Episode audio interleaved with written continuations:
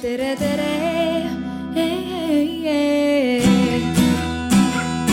Eestimaa.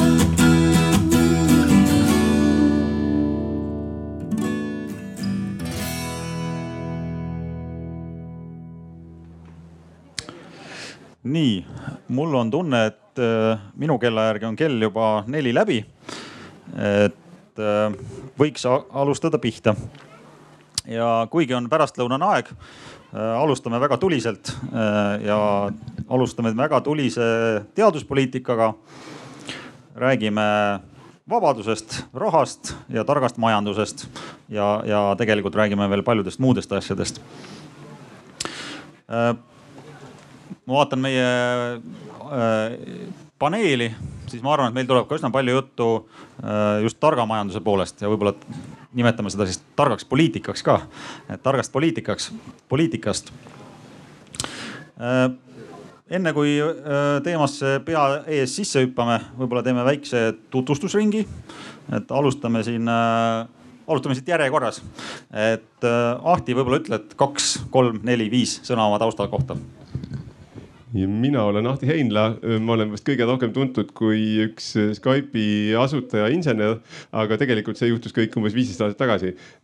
praegu ma arvan, ma olen rohkem tuntud kui Starshipi pakirobotite firma üks kaasasutaja ja vahepeal juhtisin firmat, nüüd juhin arendustegevust seal. võib-olla võib, võiks öelda koguni teadus- ja arendustegevust. ja ma olen seda firmat teinud juba kuus aastat, ehitame roboteid, veame teile koju toitu ja toidukaupu. nii, Maris. Maris Lauri siis äh, praegu Riigikogus äh, äh, ise ka natuke kunagi, väga ammu küll, teadusega natuke tegelenud, majandusteadusega ja sisend, sisemiselt ikka tunnen kirge selle vastu ja võib-olla siis selline teadus ja teaduspoliitika huviline. et defineerime siis selle asja nii ja ministripõlvest küll sai väga vähe. aga kange kirg oli tegeleda küll, aga ennem sai aeg otsa, aitäh. nii, Viljar, palun sina tere ja mina olen Viljar Lubi, mina olen Majandus- ja Kommunikatsiooniministeeriumi majandusarengu asekantsler. nagu nimigi ütleb, siis minu töö eesmärk oleks see, et Eestis oleks hea äri teha ja et me Eesti oleks jõukas, nii et kui ma vaatan teaduse poole, siis mina vaatan võib-olla seda läbi just selle prisma, et teadus pole eesmärk omaette, vaid teadus on üks vahend selleks, et Eestis oleks parem elada aga võib-olla hakkakski kohe pihta otsast, et ma ei hakka siin pikka tutvustust tegema, et kuna sa tegid juba ise otsa lahti tegelikult kogemata. et ütle kohe ära, et kui oluline teadus-arendustegevus on sinu arvates, sinu arvates majandusarengule, et ma ei tea, ütle protsent näiteks või noh, kommenteeri seda lihtsalt. no protsenti ei ole, aga see on väga oluline ka selles mõttes, et kui me vaatame tulevikku, mis on Eesti majanduse probleem, see on vähene tootlikkus. noh, ütleme nii, et tegelikult see on see, mida me taga ajame, et tootlikkus oleks parem. Et selle vähese inimese hulgaga, kes meil on, et me teeksime rohkem lisandväärtust, sest see on ju see, mis tegelikult meile tulu toob ja, heaolu kasvatab. kui senini, üldistan loomulikult, on Eesti konkurentsivõime baseerunud eelkõige tööjõu hinnal ehk me teeme odavat asja ja teeme seda palju ja hästi, siis enam see nii kerge ei ole ja ei peakski olema kui me räägime, mida me teha tahame, siis ma arvan, et üks paradigma muutus peab toimuma, on see, et me armastame ennast võrrelda eelkõige oma Balti naabritega ja Kesk-Ida-Euroopa riikidega, aga see aeg on läbi, me peaks ennast võrdlema oma põhjanaabritega. ja tegelikult, kui me räägime investeeringutest ja neid tegevustest, mis me tahame, et Eestis oleks, me tahame täpselt samu asju, mis teevad soomlased, rootslased, norrakad. see on väga raske, sellepärast et nemad panustavad inimestesse, nemad panustavad sellesse, et nad teevad innovatsiooni ja, ja sinna me peame oluliselt rohkem panustama. nüüd küsimus on, et kui suur see protsent on, noh raske öelda et tegelikult see protsent ei olegi tähtis, et protsent ise on nagu sisend, mitte väljund, väljund on see tootlikkus. nii et. Ma vastaks, vastaks ka samale küsimusele, et ma ka ei oska täpselt protsenti öelda, aga ma olen kindel, et äh, Eestile on täiesti ratsionaalselt kasulik äh, investeerida teadusesse ja teadus-arendustegevusse kindlasti rohkem kui praegu. ja noh, kordades rohkem kui praegu, ma arvan. ja miks ma seda arvan, on puhas lihtne selline arutluskäik, et äh, lõppkokkuvõttes see, kui rikas on Eesti, selle määrab see, et kui palju me ekspordime. Äh, ja meil on üks koma kolm miljonit inimest, kes siis on võimelised tootma mingisugust äh, ekspordiks võib-olla kaubaks minevat, olgu see kaupa või teenust ja kui nüüd mõelda, et kuidas me seda ühte koma, koma kolme miljonit inimest kõige rohkem ära kasutaksime niimoodi, et iga inimese pealt tuleks võimalikult suur, suur hulk raha, mida, mida meile maksaks siis teised maad. et me neile midagi kasulikku siis teeksime või toodaksime, siis mille eest makstakse kõige rohkem per inimene. see on nutikas töö. selle jaoks on vaja nutikamaid inimesi, nutikamat haridust, nutikamat teadust. ja praegu piltlikult öeldes, kui meil on olukord, kus inimene läheb ülikooli, lõpetab selle ja saab mingisuguse oskuse ja piltlikult öeldes läheb äh, siis selle oskuse, oskusele mitte vastavat tööd tegema nagu nii-öelda allapoole nii-öelda lihtsamat tööd tegema näiteks, siis me sellega kaotame. ja kui me, kui meil on võimalus inimest koolitada nutikamaks, nutikamat tööd tegema ja me seda ei tee sellepärast, et äh, puudub rahastus koolitamiseks näiteks, siis me samuti kaotame midagi ja me võiksime investeerida nii teadusesse, haridusse, kõigesse sellesse, mis aitab Eestit nutikamaks jah, ma olen nagu nõus, et meil on kaks varianti, et kas äh, minna massiga, mis meil ilmselt ei õnnestu, või siis tõesti nutikusega, äh, teadmistega, oskustega ja ähm, selleks, et edasi minna, siis äh, on vaja, et need teadmised, oskused kasvaksid, mitte noh, niimoodi aeglaselt tasapisi, nagu nad meil praegu senini on valdavalt edenenud, vaid et meil toimuks selline tugev hüpe või edasiminek ja et see ei oleks mitte ühekordne, vaid küllaltki pidev. siis me hakkame paremini elama. Äh, ja noh, kui me paremini elame, siis ilmselt see ongi see meie eksistentsi eesmärk ju tegelikult, me tahame kõik paremini elada. isegi kui me saame aru, mis paremini on natuke erinev meie arusaamades. aga paremini me ei saa elada, kui meil ei ole seda nutikust, mida me saaksime kasutada. ja noh, ma olen nagu täiesti nõus sellega, et äh, kurb on see, et meil on äh, väga palju nutikaid inimesi, väga hea haridus, aga me ei oska seda kasutada ja vahel on raskegi mõelda, et, et kuhu ta siis kaob, et miks, miks me ei suuda seda kasutada. aeg-ajalt on mul selline tunne, et äh, selline hirm on, et järsku ma teen midagi uut ja siis midagi öeldakse äh,. järsku ma kukun läbi, aga teaduses, nagu teadlased ilmselt teavad, on läbikukkumine nagu paratamatu osa, muidu sa teadmisi ei saa äh,. nii et ma kardan, et vot see koht on see, et me, me ei julge oma teadmisi alati kasutada. kui mõelda sellele, et kui me oleme äh, praeguse äh, nii-öelda taasiseseisvunud aja jooksul võtnud kätte ja teinud mingisuguseid äh, hullumeelseid asju. siis ongi see, et ei ole kardetud teha midagi sellist, mida varem ei ole tehtud, on juletud no,. ma kohe küsingi vahele, et noh, on, on tuntud selline ettevõtjate ütlus või noh, eriti Ameerikas levinud ütlus, et, et see ei ole nagu tõeline ettevõtja, kes ei ole vähemalt korra läbi kukkunud, et sul ei ole seda läbikukkumise kogemust. miks, miks on Eesti poliitika nagu muutunud, ma ei tea, kas muutunud või võib-olla ta on kogu aeg olnud selline, et me nii kardame just poliitik, poliitikas millegi, millegis läbikukkumist me vist kardame igal pool, mul on sihuke tunne, et äh, ilmselt on nagu see asi, et me ei suuda äh, andestada, eks, ja, ja kui käiakse ja öeldakse, et näed, sa eksisid ja siis sedasama eksimist räägitakse sulle kümme, kakskümmend aastat otsa, siis kõrvalseisjad mitte see inimene, kes eksis, noh, tema lõpuks elabki sellega koos. aga äh, kõrvalseisjad ei julge enam vot see tekitab, vot see on selline keskkond, mis tekitab hirmutunde, et järsku ma eksin ja siis hakatakse minu kallal tänitama. et äh, olles teinud teatud uuringuid, siis on, on valdkondi, kus kohas ka teaduses see tulemus, kulutatakse suur hulk raha ja siis öeldakse, aga tulemust ei ole. kuulge, negatiivne tulemus teaduses on ka tulemus, me teame, et nii ei saa ja järgmine kord me nii ei tee, teeme teistmoodi. see on ka tulemus, aga seda meil pekstakse millegipärast. õige, aga Villi, Viljar, ma nägin, tahtis öelda midagi vahele. ma tegelikult tahtsin öelda, et võib-olla poliitikud ei ole alati need, kes kardavad eksida. tegelikult poliitikud lõpuks ei tee otsuseid, ettevõtjad teevad otsuseid, nemad peavad riski võtma, nemad peavad oma raha mängu panema. ja see on üks see koht, et kas me saame midagi teha, et neid rohkem julgustada, sest noh, lõpuks on nende raha mängus. no toon sellise näite, mis minu igapäevatöös suur, suur, suur väljakutse on kuidas olla tootlikum, nutikam. võtame tööstuse. tööstussektor Eestis annab viisteist protsenti SKP-st, hõivatud on üheksateist protsenti. selgelt näitab väga tööjõumahukas et no kui me räägime tööjõudu ei ole, siis tegelikult seal on nagu potentsiaal väga suur, et vähemalt mingi pariteetsus võiks olla et, üheksateist protsenti SKP-st, üheksateist protsenti tööhõivest. hetkel ei ole. ütled ettevõtjale, et tead, su ärimudel on vale, noh vale, vananenud ja, ja siin on nagu see küsimus, et nagu, et tema peab riski võtma ja, ja selline psühholoogiline barjäär on ka, miks mul on väga suur lootus selle noore põlvkonna, kes tulevad, on kas need idufirmad või keegi teised, et, et mingil määral loogika on olemas, et need ettevõtjad, kes võtsid väga suuri riske üheksakümnendatel, nad olid sellised üldised mehed kolmekümnendates, varased neljakümnendad, panid kõik mängu, mis neil on. nüüd, kakskümmend viis aastat hiljem, ütleme neile, et ärimudel on vale riske kõik uuesti. sa oled kuuskümmend viis, sul on olemas maja Viimsis, kõik lapsed käivad heas koolis. miks sa pead kõige uuesti riskima? Nad ei tee seda riski lihtsalt. et see põlvkonnavahetus ka, et see on oluline, see ambitsiooni küsimus, et midagi teha targemini ja investeerida.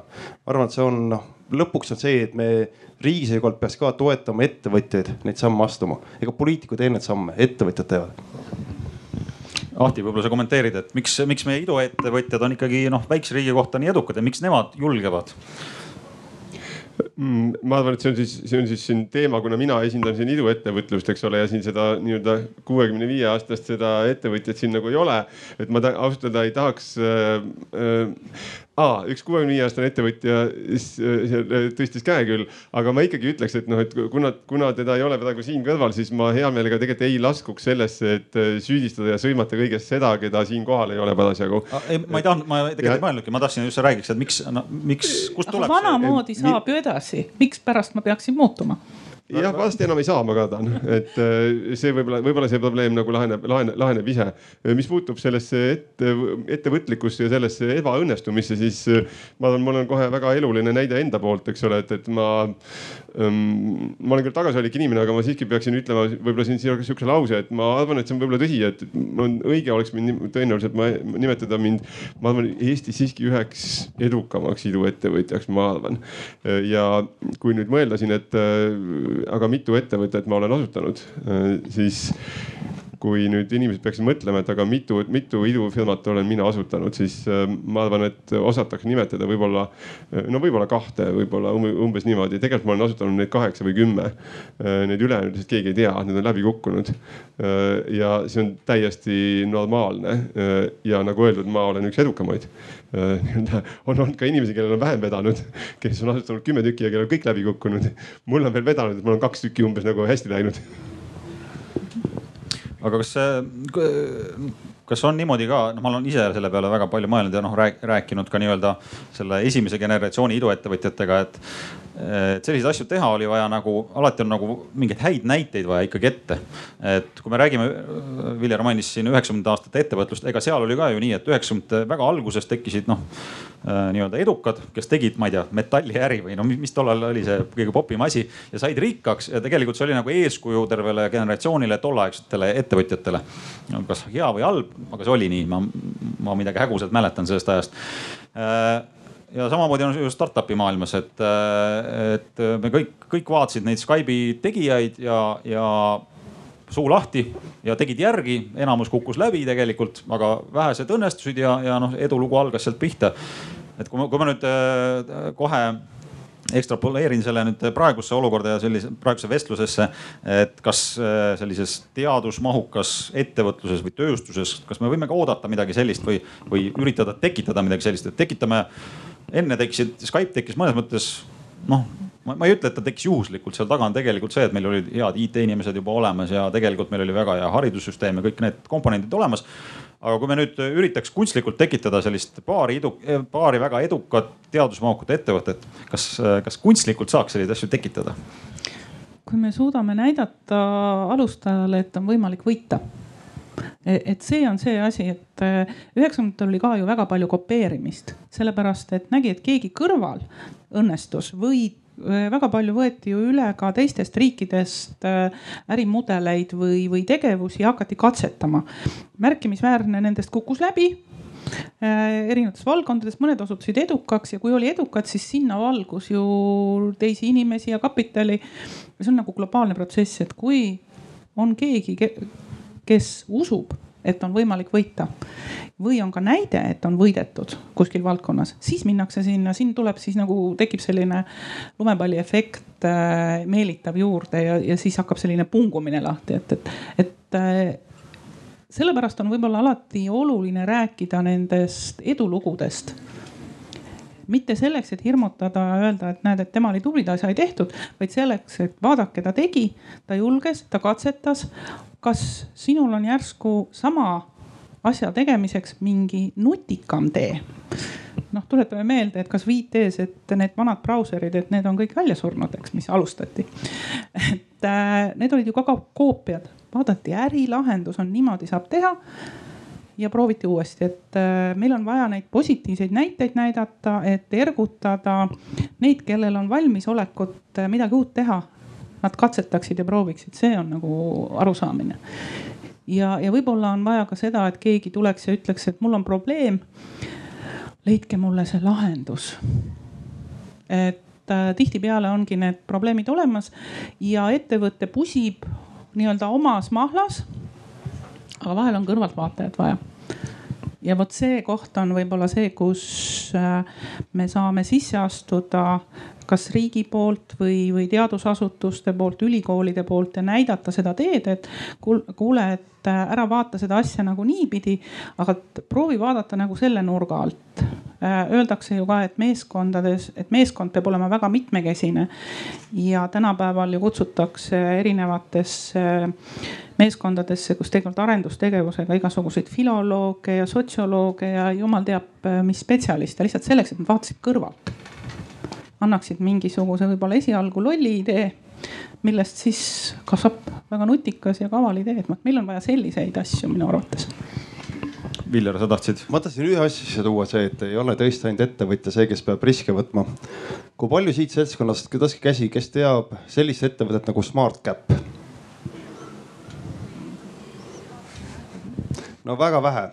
SmartCap on eh, riigile kuuluv sada protsenti aktsiaselts, mis siis haldab eh, riigi riskikapitali ja see on, miks ma seda nagu esile toon, on see, et esiteks sellest ei teata.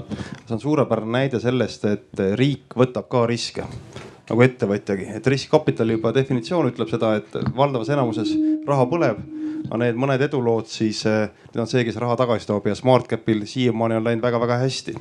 see, kuhu ma sihin, on nagu see, et noh, küsimus ja noh, Maris teab seda ise väga hästi.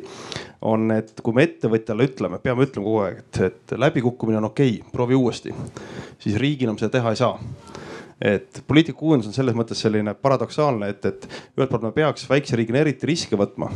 aga riigi poolt alati oodatakse, eriti ka inimeste poolt, kõikide poolt, et kõik peab olema läbi analüüsitud.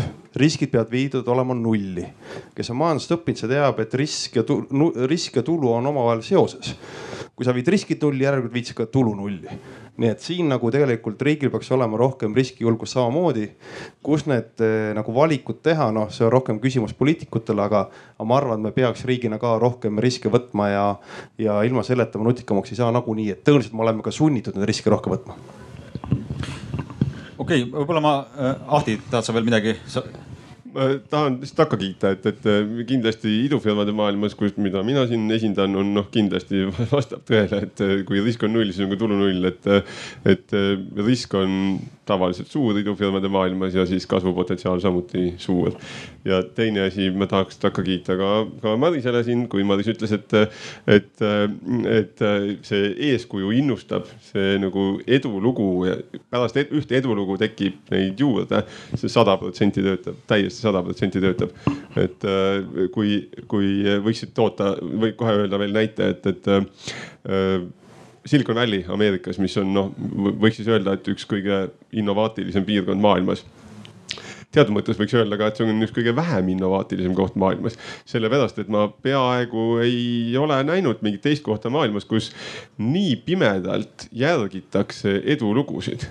Kus on niimoodi, et, et kui, kui mõne Silicon Valley siis tegelasega rääkida, et aga miks te hakkasite kasutama mingisugust sellist, ma ei tea, tehnilist komponenti või mis, mis iganes mingisugust lahendust.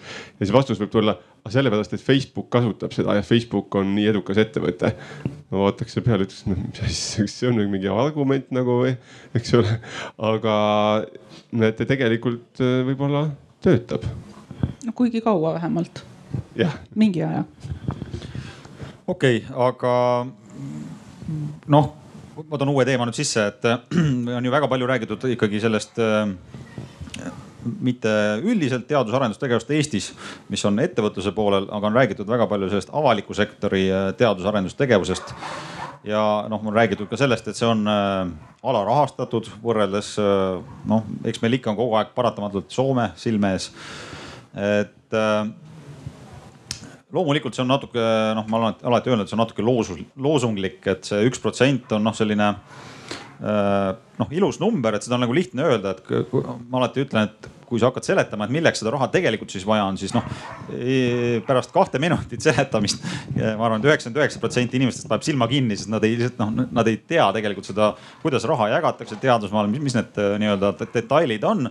kuigi noh, nagu me teame, saatan on alati detailides, seega see üks protsent on selline hästi loo loosunglik aga no võib-olla alustamegi siis hästi loosung, loosunglikult, et küsime, et noh, siin osalejate arvamust, et, et kui teie saaksite otsustada. Äh, no mitu protsenti te annaksite siis avaliku sektori teadus-arendustegevusele raha? No ma peaksin ütlema poliitiliselt korrektselt kohe et, et üks protsent vähemalt, kui ma räägin nagu sisemiselt, siis tõesti see üks protsent on teatud mõttes signaal ja märge ja miks räägitakse ühest, on see, et uuringud on näidanud, et et, et noh, umbes kolm protsenti võiks olla ühes riigis minna teadustegevusele. Ja kui riik paneb juurde, siis äh, rahal on see omadus, et siis ta tõmbab teist raha juurde, eks, et siis on nagu lootus, et kui see üks osa panna juurde, siis äh, erasektor paneb ka juurde, nii et äh, et see on üks võimalus vaadata, et üks pluss kaks, et siis me saaksime sellise ideaalse kokku. Kui palju konkreetselt panna, siis on alati see küsimus, et Äh, see raha peab olema targalt pandud. ja äh, ma olen ka seda meelt, et kui me näiteks äh, tänasel hetkel oleks olemas siin kuskil rahakast ja ütleks, et nii, siin ongi see üks protsent aga ma tahan teada ka, kuhu ma selle ühe protsendi panen ja kui ma täna ei tea seda, kuhu seda panna, siis ma panen ta vähem. ja ma olen valmis parema ülehomme, kui ma tean, kuhu see raha läheb ja milleks kasutada kasvõi kaks eks noh, küsimus ongi selles, et kuidas meil on vaja, mis on meie ideed ja pro äh, projektid. Eesti väiksuse juures on veel see lugu, et et noh, sada tuhat ja, ja kümme miljonit on nii suured rahad, eks. teadusele võib mõnes valdkonnas olla köki-möki, eks ju. Pole nagu midagi, et selleks, et midagi saavutada, tuleb palju rohkem panna ühel aastal on Eestis skp olnud hästi kõrge, see oli siis tehti või, või seal üks-kaks aastat, kus tehti põlevkiviuuringuid. sektor suur, Äh, väga suured teadusinvesteeringud ja lükkas üles, lõppes ära üks projekt, kõik kukkus alla. et äh, me ei saa nagu ühtlaselt jagada seda asja, nii et me ei saa eeldada, et iga aasta on ühepalju. aga ma arvan, et see on see koht või mis annab meile ette suurusjärgu, kui palju riik võiks panna. ja sellest äh, riigi pandud rahast peaks kindlasti osa olema selline, mis meelitaks ka erasektorit tegutsema. ideaalis jah, kui erasektor saaks hakkama, siis võiks riigi osa olla väiksem. meil on lihtsalt vaja, et meil oleks teadust piisavalt, et edasi vedada, see on see vajadus. Viljaril läks nagu hästi kurvaks korraks ei, ei läinud kurvaks, tegelikult ma olen Marisega suuresti nõus, et ma ütleks ka üks protsent. otsene vastus on üks protsent. aga siin on hästi palju agasid aga on täpselt see, et, et üks protsent ei ole tegelikult eesmärk omaette, et üks protsent peab midagi meile aitama teha. ja Maris ütles, et see, et kui vaja on, ütleme uuringud näitavad, et riigis, ühes edukas riigis võiks olla teadus-arendustegevuse eelarve umbes kolm protsenti SKP-st, siis tegelikult see kaks protsenti on suurem kui see üks protsent et me peame jälgima seda, et kui me paneme, liigume ühe suunas, aga seda kahte ei teki, ei teki, siis natuke me tõenäoliselt läheme valesti et me peame ikka stimuleerima, et nagu Maris ütles, kui raha anda tuleb, peaks raha juurde tulema. kui ei tule, siis on ka jama. kolmas asi ka, kus see aga on, et on veel veel olulisem eesmärk kui see üks või kaks protsenti, ega see, ega erasektor ka ju lihtsalt seda kahte protsenti ei investeeri selleks, et nad on lihtsalt, neile meeldib arendustegevus, noh mõnele muidugi, meeldib, aga lõpuks nad tahavad head tulemust saada. ehk jõuame ikka sinna tootlikkuse juurde. ja OECD-ski on väga vähe äh, liikmesriike, kellel tegelikult on, tegelikult on üks protsent SKP-st avaliku sektori investeeringuid RT-sse. Neid on tõesti väga vähe, et see üks protsent on selline hea siht, aga see peaks olema eesmärk omaette. toon sellise näite ka, et tagasi idufirmade juurde tulla, siis äh, idufirmad väga palju Eesti idufirmasid, kes on ka edukad, tegelikult nad ei tee klassikalises mõttes teadus-arendustegevust. see on väga paljuski ärimudeli innovatsioon.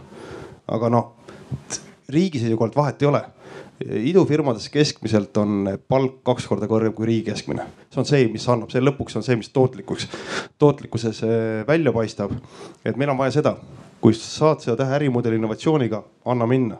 et selles mõttes jälle see üks ja kaks protsenti ei ole eesmärk omaette, aga lõpuks jah, ega ainult ärimudeli innovatsiooniga kaugele ei sõida. nii et seda teadus-arendustegevust on vaja. nii et kuhu ma jõuda tahan, ongi niimoodi, et see ühest protsendist peab lõpuks saama kõrgem tootlikkus, muidu pole mõtet investeerida mina vastaks ka, vastaks ka, hakkas vastama samale küsimusele, et mitu protsenti siis peaks olema see riigipoolne rahastus. ma kohe ütleks, kui siin on teised öelnud mõlemad, et üks protsent, siis ma ütleks kohe kaks protsenti. Äh, miks ma ütlen, et on kaks protsenti, sellepärast et ma arvan, et äh, võrreldes selle kasuga, mida teadus toob, on teadus, ma arvan, igal pool on alarahastatud. Äh, isegi siis on alarahastatud, rahastatud, kui kuskil on neli protsenti sinna pandud riigi raha, ma arvan, et isegi siis on ikka veel kasulikum panna, panna rohkem. Ja ja eh, ma olen täiesti kindlasti nõus, et see ei too kasu kohe pummidi iseenesest, et äh, tuleb vaadata, kuhu panna äh,. siis teine asi see, et, et kui me räägime nüüd riigi majanduse tootlikkusest, siis noh, ega see, et, et, et teadust tehakse rohkem nagu iseenesest kuidagi riigi noh, majanduse tootlikkust ei paranda, eks ole, et, et mida selleks vaja on, on esiteks see, et, et, et teadlased ise ka vaataksid, et nad, et nad seda raha mõistlikult kasutaksid, eks ole. siis on vaja veel seda, et see teadustööd nagu veel õnnestuks ka ja, ja kuskile nagu jõuaks ka omadega teadusega, siis on vaja see, et, et see, et need teadlased või see teadustööd majanduses kasutusele võetaks. siis on vaja veel seda, et need ettevõtted, mis selle põhjal siis loo, luuakse või oma tooteid teevad, need tooted ja ettevõtted oleksid edukad, et nad oleksid rahastatud ja nii edasi ja nii edasi ja nii edasi, et see on kõik üks öko, ökosüsteem, millest see riigipoolne üks protsent on ainult üks väike osa sellest ökosüsteemist. samal ajal on väga lihtne öelda, et äh, oi, et, et on küll suur ökosüsteem ja tänu sellele see tähendab seda, et, et kõik muud peavad, peavad ka midagi tegema. ja seetõttu me äkki ootame ära, et enne kõigepealt need teised teevad midagi ja siis meie paneme nüüd nagu selle üks protsent või kaks protsenti või mis iganes nagu. et äh, aga probleem on selles, et niimoodi mõtlevad kõik need ökosüsteemi osalised. kõik mõtlevad, et aa, äkki vaatan, kuidas need teised teevad. Äh, tegelikult ikkagi keegi peab algust tegema või kogu selles ökosüsteemis on niimoodi, et ükskõik, kes selle ökosüsteemi süsteemi elementidest hakkab siis midagi paremaks tegema, siis selle võrra tegelikult äh, paraneb kogu, kogu ökosüsteem. ja nagu see ökosüsteem iseenesest on on keeruline, seal on tõesti palju erinevaid komponente ja, aga ma, ma, ma lihtsustaks võib-olla ühe, ühe vene äh, äh, tehnoloogiaettevõtja sõnadega, et tema on uurinud siis natuke erinevaid riike, on üldiselt tegelikult päris tuntud ja edukas äh, ja ettevõtja ja nii edasi. Äh, ta on uurinud erinevaid riike ja, ja jõudnud järeldusele, et selle jaoks, et ühes riigis äh, tehnoloogia innovatsioon hästi töötaks, selle jaoks on vaja, et selles riigis oleks mõni maailma top sada ülikool. ja top kakssada ei piisa, top kolmsada ei piisa, vaja on top sada noh, meil Eestis ei ole ühtegi top sada ja nüüd siis ta on uurinud, okei okay,, aga mida on vaja selle jaoks, et saada top sada ülikooli selle jaoks on vaja rahastust. kui ülikoolidel on rohkem raha, siis sinna tulevad ka rohkem nutikust, sinna tulevad ka tippteadlasi rohkem, nad saavad välismaalt ka teadlasi sinna meelitada ja nii edasi ja nii edasi ja nii edasi. okei okay,, kui palju siis maksab ülikool, mis on top äh, sajas? Äh, lihtne vastus on, et see maksab kaks korda rohkem kui, kui äh, Eestis on ülikoolide eelarved see ei maksagi kümme korda rohkem, see maksab kaks korda rohkem.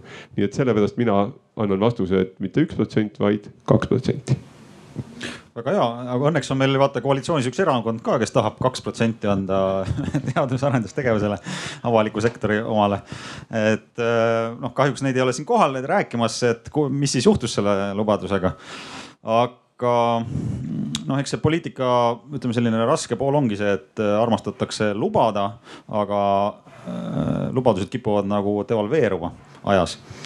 aga ärme, ärme sellest räägi, et see ajab meid siin kõige kurjaks, äh, kaasa arvatud kuulajaid ja, ja kaasaarvajaid, aga võib-olla äh, lähekski edasi selle, selle väga hea remargi koha pealt, et nagu sa ütlesid, meil on vaja top sada ülikooli ja tegelikult, kui me vaatame selliseid noh riike, kes on tahtnud hästi kiiresti saada teadus, ma ei tea, teadusmahukateks, innovaatilisteks oma majandust.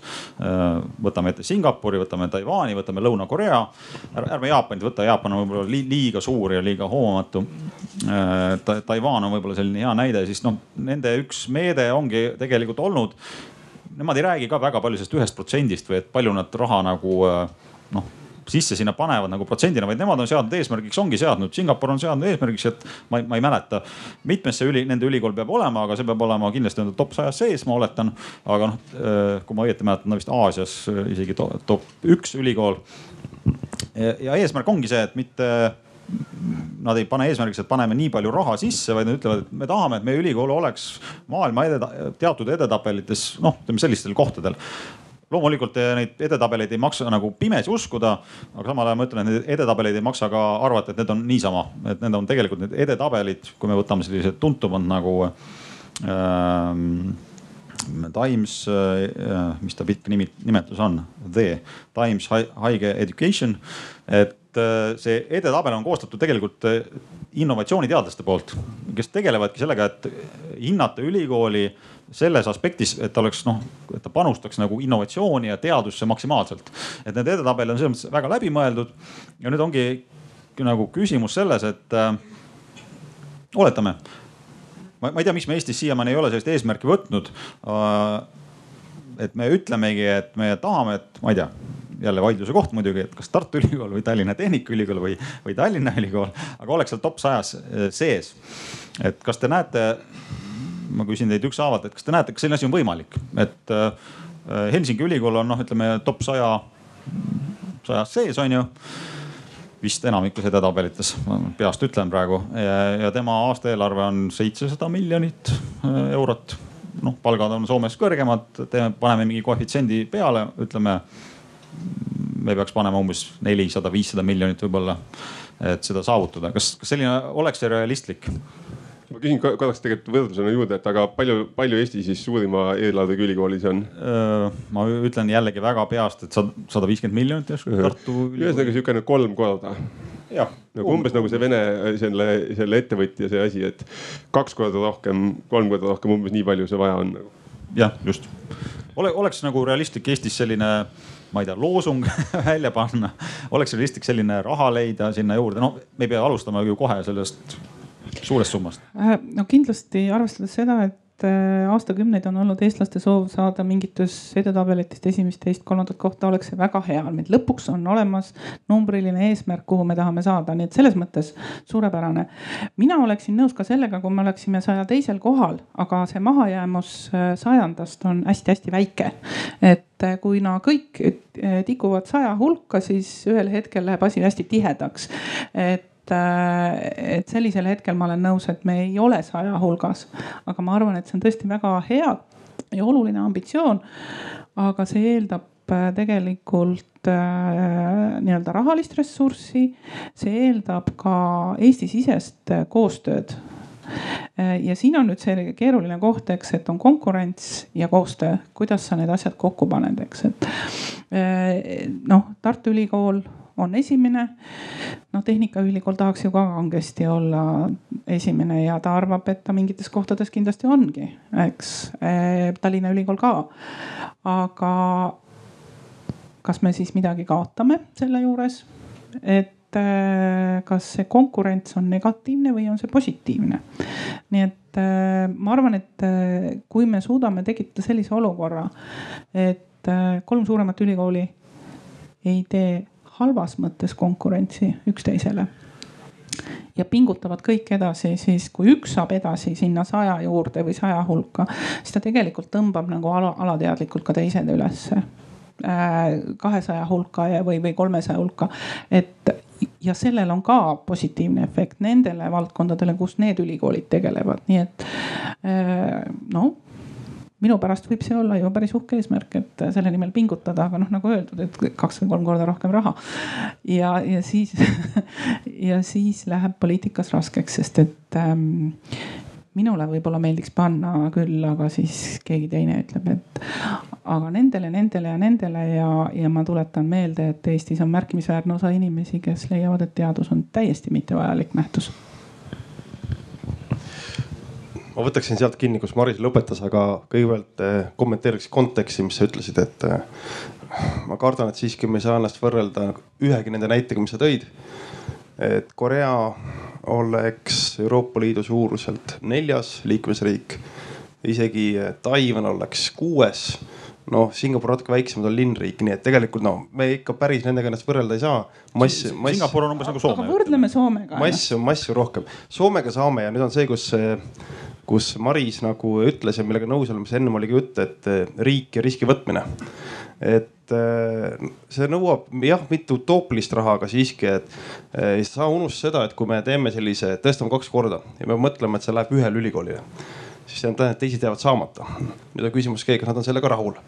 No tõenäoliselt mitte, no et oleme väga palju näinud, et kui, kui mina pean nagu siin ka läbirääkimisi oma HTM-i kolleegidega, et kui palju siis peaks olema raha teadusele, palju peaks ettevõtjatele olema, siis noh praegu paistab niimoodi, et teadlased on need, kes kogu aeg saavad nii-öelda pihta, sest teadlased tulevad ja protestivad mina, kui palju te olete näinud, ettevõtjad tulevad MKM-i ette protesteerima, et me tahame innovatsiooni teha, riik aidake, no nad ei tule noh.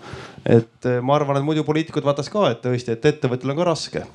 et see riski võtmine on nagu see, mis riik võiks teha, panna jah, rohkem ühte korvi seal eh, omad, omad suured riskid on, aga me peame seda tegema, siis tekib küsimus see, et aga mis eriala me valime, sest eks seal ülikool peab mingi spetsialiteet olema.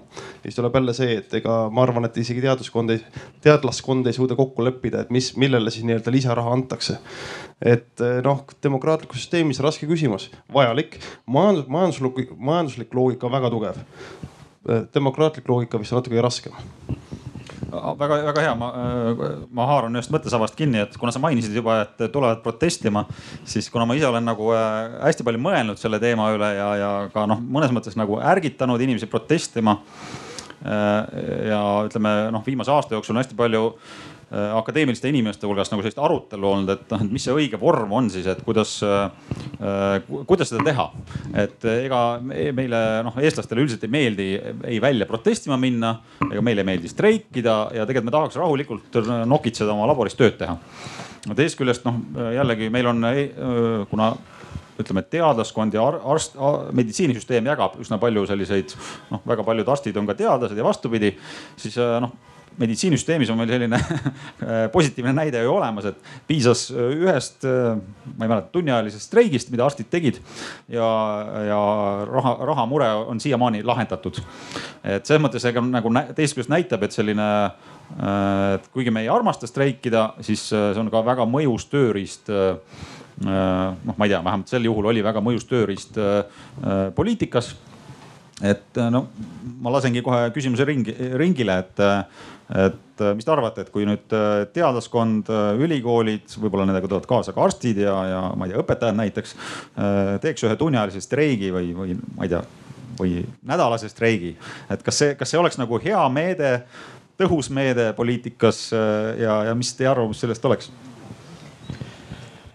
no arstide edu tuli ju sellest, et tervis on inimesele kõige lähemal nahale.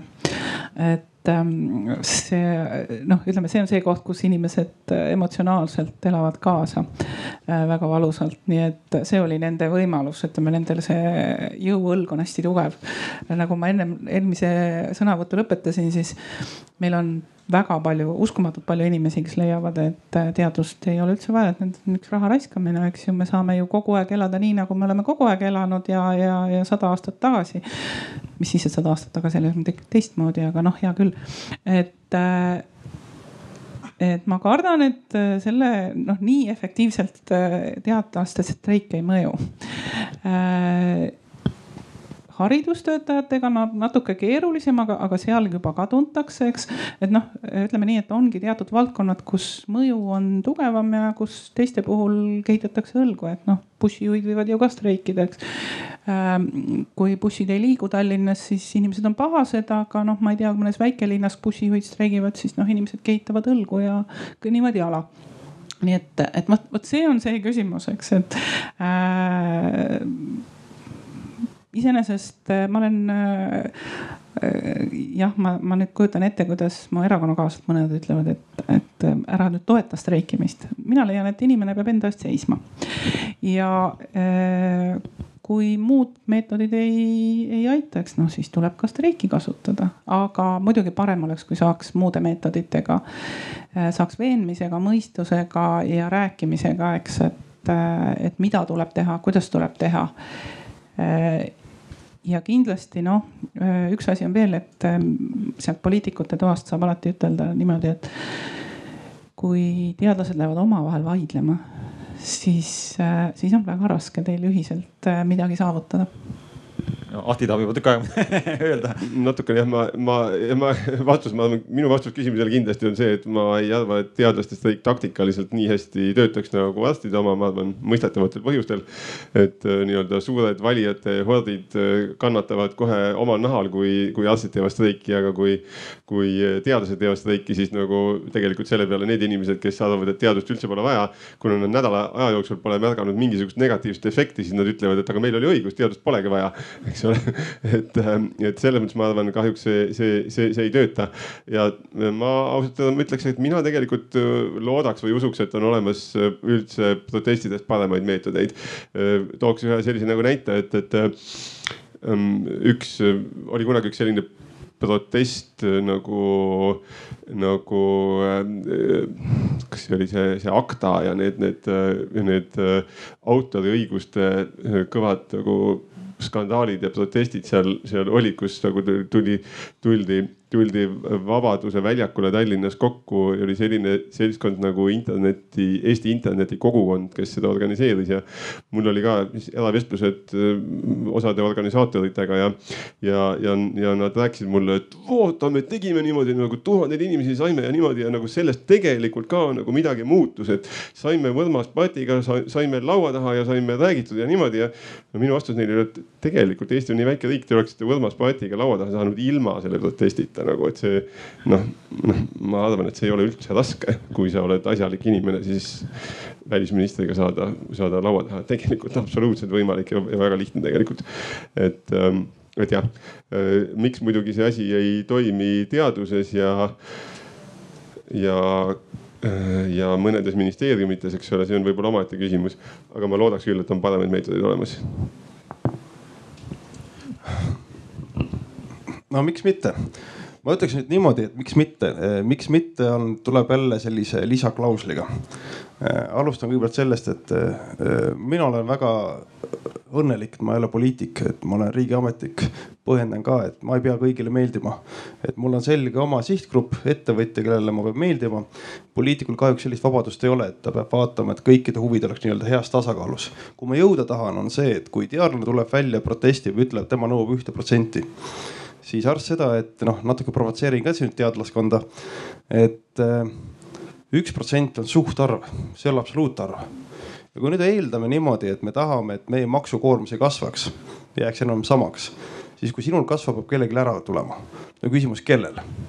et noh, siis võikski nagu teadlased vaadata nagu riigieelarvele otsa, öelda, et siin on selgelt nagu ülekulutamist, siin on alakulutamist. tehku ettepanekud, öelge, näed, et siin on väga tugev loogika. Teadlaskonnas on olemas konsensus ja kui siis poliitikud kuulda ei võta, siis on ju põhjust protestida küll. ma teeks kohe ettepaneku Porto Franco nelikümmend miljonit äh, seda, suunata teadusesse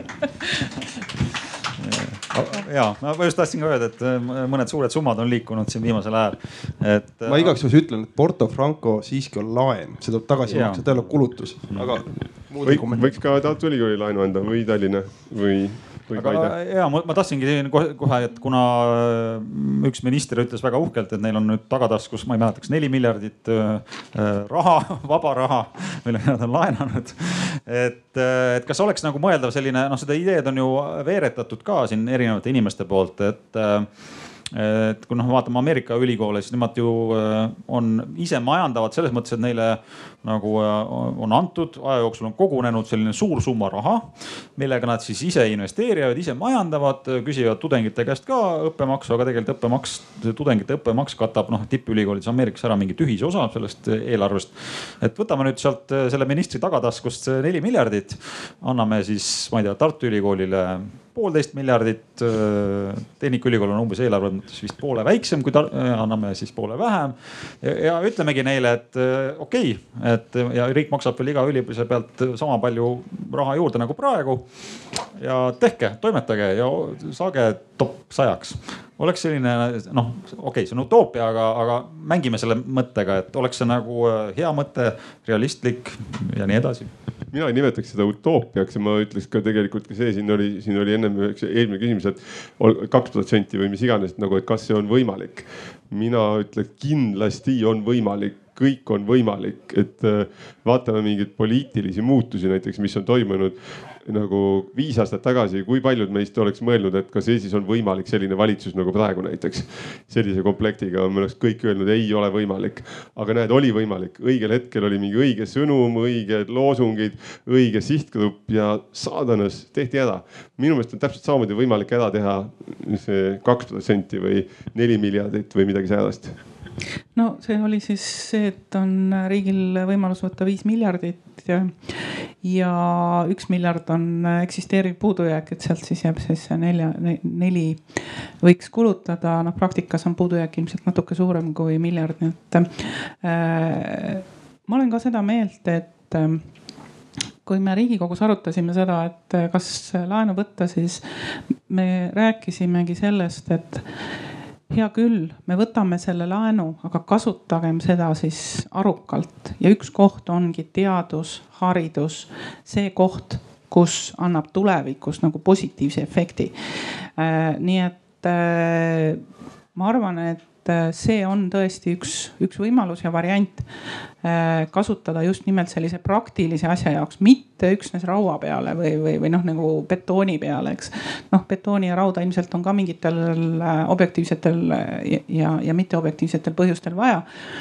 aga teadusesse ja kõrgharidusse ma arvan, et selle laenuraha mis tegelikult äh, võtmise Riigikogu on andnud valitsusele, võiks võtta ja võiks kasutada.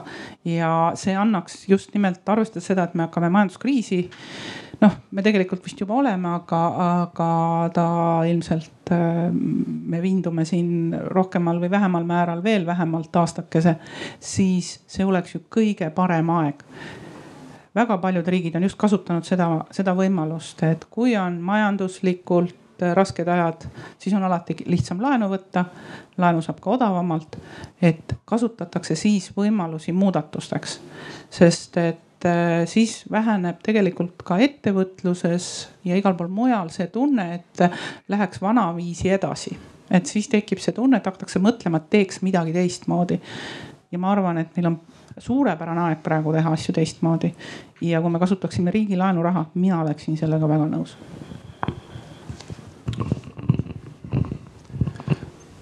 ma tuleks jälle tagasi selle juurde, et äh, Raske. mis puudutab, ei, mis puudutab streikivaid teadlasi, siis ma ütleks, et oleks vaja ka, tegelikult oleks vaja streikivaid ettevõtjaid. et äh, me oleme hästi palju rääkinud, on selline lühend nagu TAI, teadus, arendustegevus, innovatsioon, et hästi palju oleme rääkinud teadusest. arendus ja innovatsioon on võib-olla vähem saanud, et lõpuks tulebki võtta see, et kui me tahame isegi sellist tippülikooli, siis on ju vaja see tippülikoolis sealt see tohutu potentsiaal, mis seal on ideed, jõuaks lõpuks turule. turule viivad need ettevõtjad, et nemad ongi, et kui me lõpuks noh piltlikult öeldes, kui meil on äh, streikivad ettevõtted ütlevad, et meil on nagu tahet, kui palju, aga meil pole teadlasi, kellelt seda nii-öelda teenust sisse osta. see oleks nagu hea mure ja siis võiks sinna raha peale panna. et mingil määral noh, ei tohi unustada, et kui me räägime teadus-arendustegevusest, siis maailma praktika ütleb ka et, et seitsekümmend protsenti umbes teadus-arendustegevust tehakse ettevõtete sees ainult kolmkümmend protsenti siis ostetakse sisse teadusasutustelt.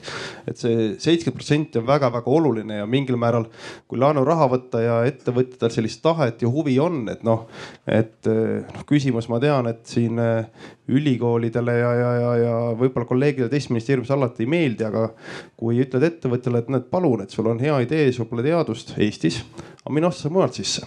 sest tegelikult, kui meil on olemas nagu äh, hea ülikool, aga meil ei ole ettevõtted, kes selle turule viivad, see on noh kurbroolis on see, et me maksame selle hea ülikooli kinni ja siis tulevad välismaised ettevõtted, kes võtavad idee, teevad sellest toote, viivad turule ja rikkaks saab see riik, kus see ettevõte on, mitte Eesti. aga meie maksame selle kinni, et tegelikult meil oleks vaja vastupidi, et, et, et mingis määral, et, et kui Eesti ettevõtja läheb teeb selle investeeringu, ostab selle teadustöö sisse Soomest, Rootsist, Šveitsist, kus iganes. aga teeb selle arendustegevuse, mis lõpuks turule läheb Eestis siis meie võidame sellest nagu summa summarum palju rohkem. seda, seda nii-öelda ka ahela lõpuosa ei tasu ära unustada, et see on tegelikult see, kus meil praegu kitsaskoht on väga-väga suur, nii et ma arvan, kui see ahela lõpuosa tuleb järgi, siis tekib ka tegelikult poliitiline tahe, ka tõeliselt avalik arvamus, kes ütleb, et ja vaadake, meil on nii targad ettevõtted, paneme sinna teadusesse rohkem raha algus on raske, et see ongi see koht, kus kohas me oleme alguses, et me peaksime suutma veenda Äh, piisavalt palju inimesi ja otsustajaid riigi tasemel tõesti, kes oleksid äh, valmis võtma nüüd äh, nii-öelda hetkel olevast olevast rahasummast panna sisse.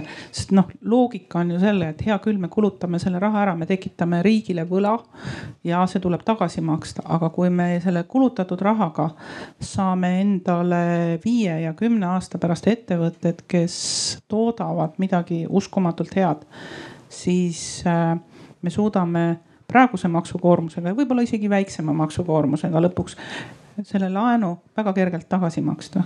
noh, raha lihtsalt infle, inflatsioonis nii-öelda läheb odavamaks. nii et äh, seda võimalust tuleks nagu kasutada. kuidas otsustajatele seda selgeks teha? ma tunnistan, et äh, minul tundub tõesti, et minul noh, jah jääb jaksu üksinda puudu, eks meil on seal natuke rohkem.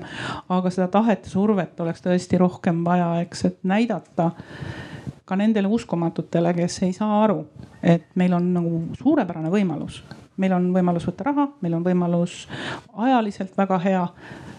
meil on minu arust suurepärased inimesed, ma ei tea, minu arust on Eestis nagu nii nutikad inimesed igal pool, eks kasutaks neid. kui sa kasutasid väljendit uskumatud, kas sa, kas ma saan õigesti aru, sa räägid nendest inimestest, kes arvavad, et teadust pole üldse vaja? jah, või, või need, kes arvavad, et noh, et teadus on see, et ta äh,, ma lähen sinna, ütlen, et äh, ma tahan sinist äh, traktorit ja siis ta teeb talle sinise traktori mm., mitte punase. okei okay,, aga mul on sihuke huvitav küsimus kohe, et äh, äh mitu sellist inimest on Riigikogus? Ma tunnistan, ma ei ole kõikide Riigikogu liikmetega suhelnud, nii et ma Aga kardan, et üks, kolm, erineval kümme, määral ma kardan, et neid on seal paarkümmend. paarkümmend okay., vähemalt, kahjuks uh. -huh. ja see on vist pigem ajas suurenenud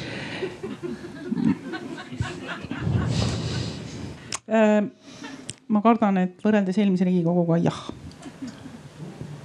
eriti ma julgen öelda, et kui me mõtleme äh, üheksakümnendate riigikogusid ja tolleaegset koosseisu ja praegust, siis ma arvan, et siis oli teaduse taustaga ja haridustaustaga inimesi rohkem ja selle tõttu ka arusaamine teadusest oli parem.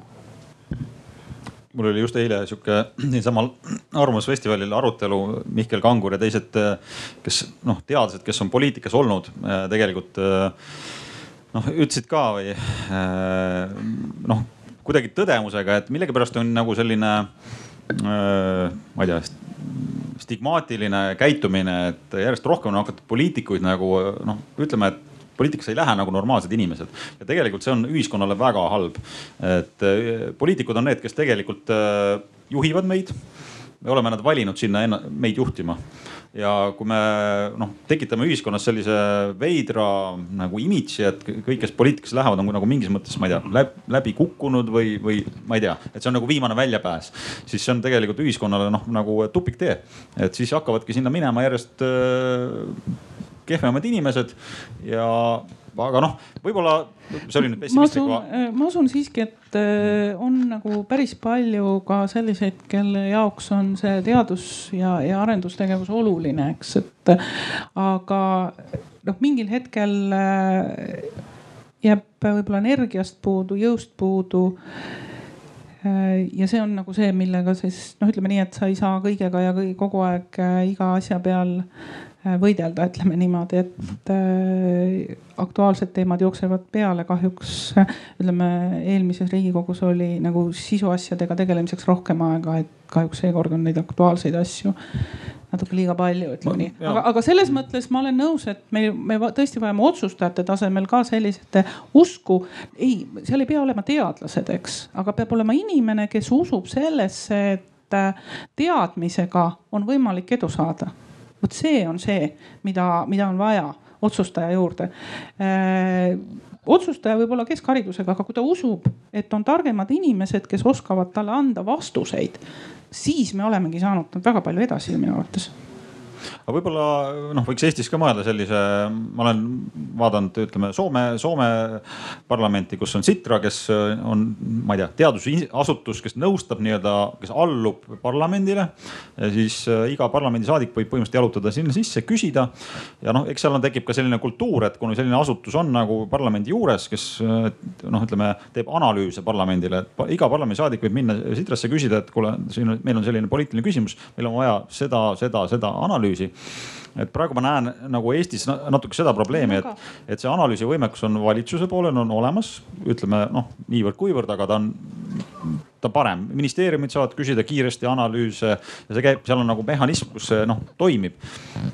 Ka seal võiks olla parem, aga noh, riigikogu poolel ma näen nagu, et seal noh, võiks olla rohkem ressurssi, et noh, selliseid analüüse tekitada noh, heas mõttes võiks olla nii-öelda oma taskuteadlased. ja, ja ma nüüd äh, kergitan oma saba.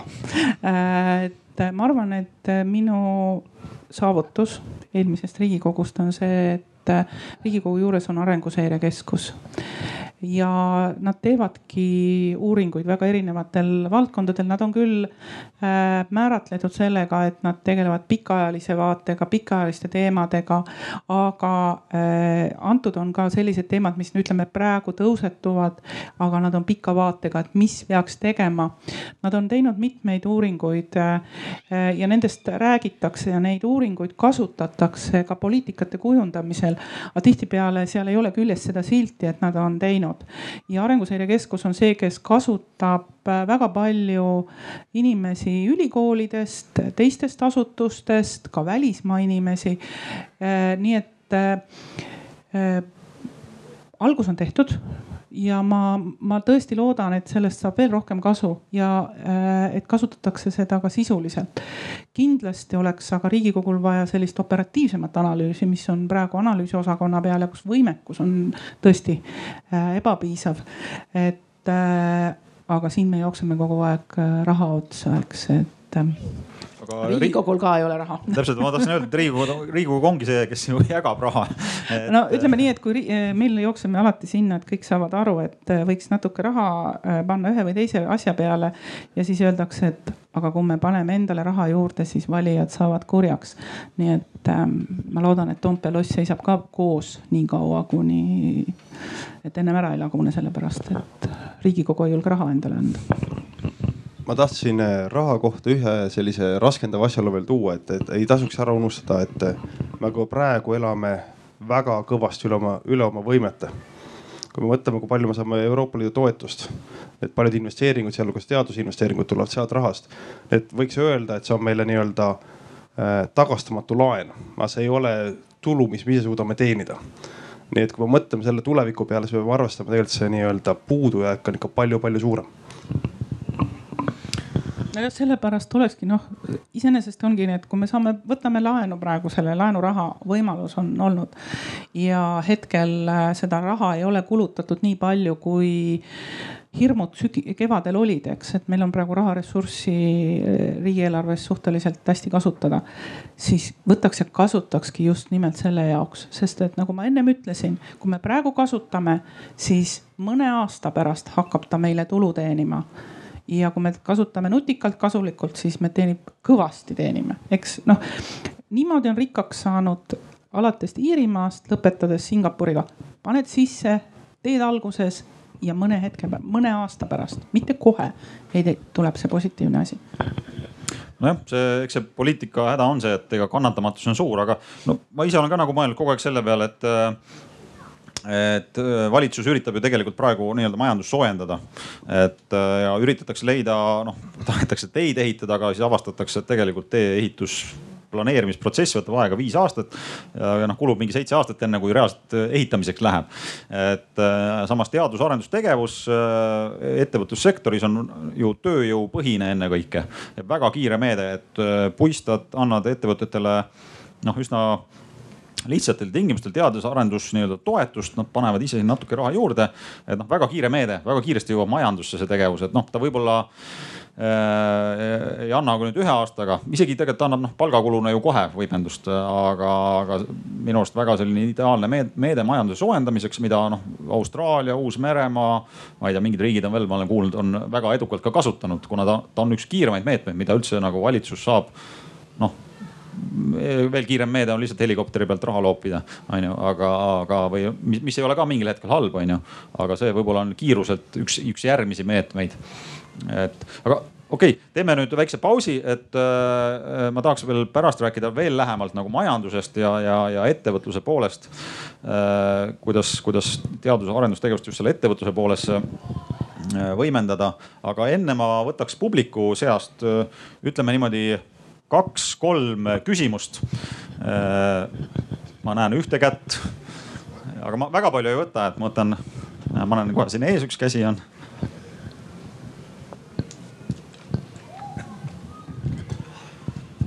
ja mina olen kuuskümmend viis pluss ja ülikool. ja noh, olen näinud igasuguseid inimesi siin ees ka, ka sellel äh, üritusel, mis meil praegu on ja näen seda umbes kakskümmend aastat.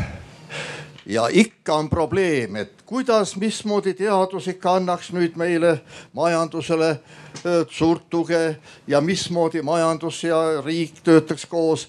mitte midagi ei muutu, sõbrad ma näen, siin on ka praegu riigisektori inimesi ja ma julgen ka neile etteheiteid teha. inimesed vahelduvad selle kahekümne aastaga, aga jutt on sama Te ei saa kuidagiviisi selle asjaga hakkama, ma ütlen nii. tõepoolest, te räägite seda täiesti tähendab süüdimatult, ma ütleks, teadlane ütleb teile, et te olete süüdimatult jutu, jutupaunikud siin. jah, ja mismoodi, te ei tea, mismoodi näiteks peaks peaaegu praegu teadusülikoolides elab. ülikoolides, mina olen Tehnikaülikool.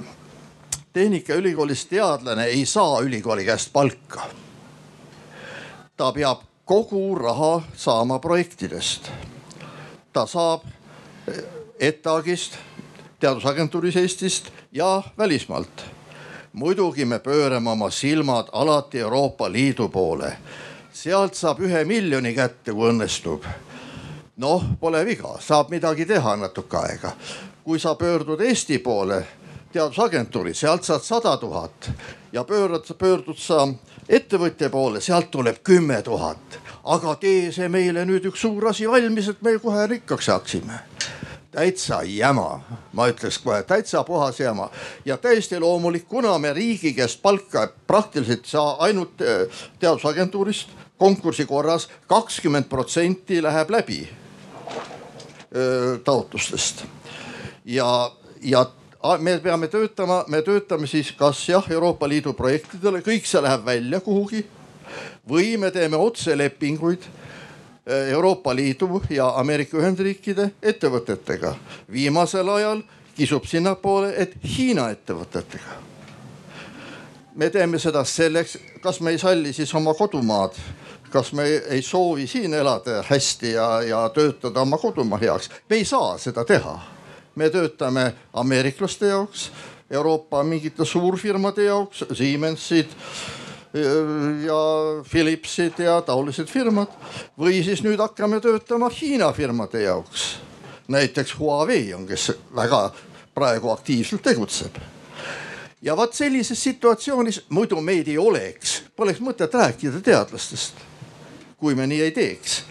Nii et praegune lugu, et meie ei saa töötada Eestiga. me tahaksime, aga me ei saa.